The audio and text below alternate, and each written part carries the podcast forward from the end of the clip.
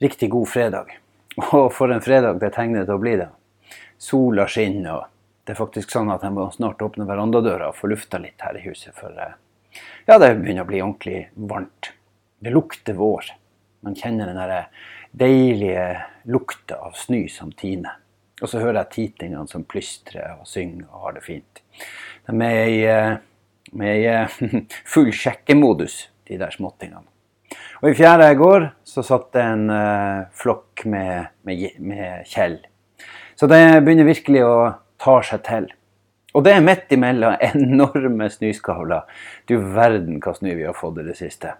Uh, men det, jeg trøster meg litt sånn halvveis ondskapsfullt med at uh, det er noen plasser det er verre. I tettbygde strøk i, i byen der har de nok litt større problemer med å få avsetning på snøen enn hva vi har her i litt mer eh, landlige omgivelser. Selv om Skjervøy kanskje er av de mest snøfulle plassene i Nord-Troms. Um, det får meg for så vidt når det gjelder Tromsø til å kjenne litt på at det kan dere godt bare få. Uh, I hvert fall enkelte av dere. For det her er utspillet fra Erlend Svardal Bø om å tilby busskort til uh, våre ungdommer det hadde jeg lite til overs for. Det, sånn der syns jeg at man skal holde seg for god til. Tromsø har veldig mange fordeler. Veldig mange fordeler. Uh, og det er veldig mye som våre unge drømmer om, og som gjør at våre unge reiser til, til uh, Tromsø for å ja, leve et mer byprega, et mer urbant liv. Og Hvis det da skal være sånn at politikerne i Tromsø, i tillegg til alle de andre fordelene som det har å bo i by, eh, skal begynne å gi bort busskort for å få unge til å flytte dit, da, da blir i hvert fall jeg irritert. Og jeg forstår godt at både Dan Håvard Johnsen og han Svein Leiros ble eh, ja, på, politikerspråket oppbrakt. Og vi vet hva det betyr. Um, over den meldinga. Den, den, der likte jeg ikke, Erlend Svardal Bø. Den syns jeg at uh, dere kan tenke dere litt om. Um, men det var egentlig ikke det jeg hadde tenkt å prate om i dag. For det jeg egentlig hadde tenkt å prate om, det var det jeg ble så inspirert av her forleden dag. Og det er han eh, Ola på Spåkenes. Ola Berg. Som altså bygger igloer. Jeg har vært så heldig å overnatte en av de igloene en gang. Jeg fikk faktisk det, jeg og kona mi, i bryllupsgave av de ansatte i Framtid Nord. Og Da eh, overnatta vi i eh, igloen eh, på Spåknes. Og det var helt fantastisk. Det var på denne tida av året. Um, og litt, litt, mer uggent vær enn hva vi har akkurat i dag, men det var helt strålende. Å ligge der og se utover Lyngen. Se bort på Lyngsalpene. Se over mot uh, Havnes og på Uløya og på Rottsundet. Det var helt, helt fantastisk. Og hvem som så den komme, bortsett fra far og sønn Berg, som altså har uh, eh, satsa mye penger på uh, turisme på Spåkenes. Det er fantastisk bra. Og like over fjorden, på, i Årøybukt, så har altså Aurora Spirit satsa millioner av kroner på spritproduksjon. Og alt tyder på at de er i ferd med å lykkes. De vinner pris etter pris etter pris.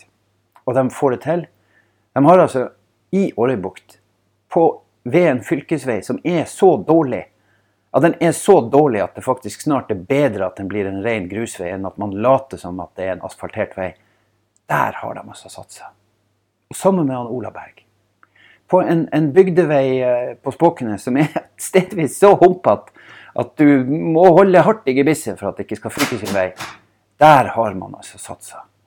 Det er ganske utrolig, og jeg er søkk imponert. Og jeg tenker det må vi la oss inspirere av, alle sammen. Vi må tørre.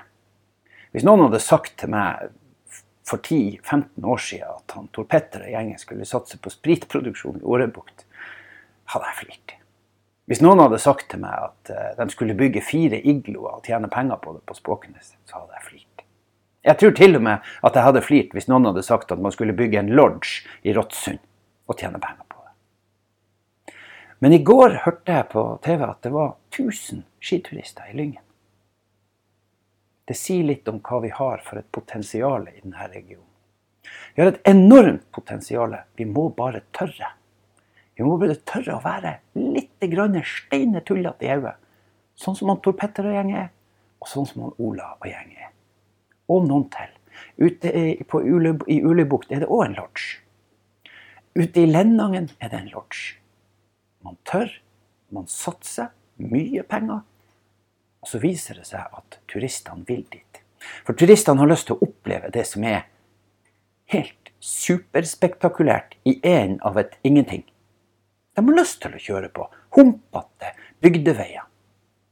Og så komme til en plass som er fullstendig tatt ut av sammenhengen. Og det kan vi gi dem her oppe i Nord-Troms. Vi kan gi dem noe som er for deres del fullstendig tatt ut av enhver sammenheng. Man kommer til et ingenting og opplever alt det. Det er ganske rått. Jeg har ståltru på Nord-Troms. Jeg tror at det er fantastiske muligheter i denne regionen. Vi må bare tørre å ta sjansen. Og så må vi la oss inspirere. Av gjengen i Årøybukt, av gjengen på Spåknes, i Lennangen, på Uløya, langs Rottsundet.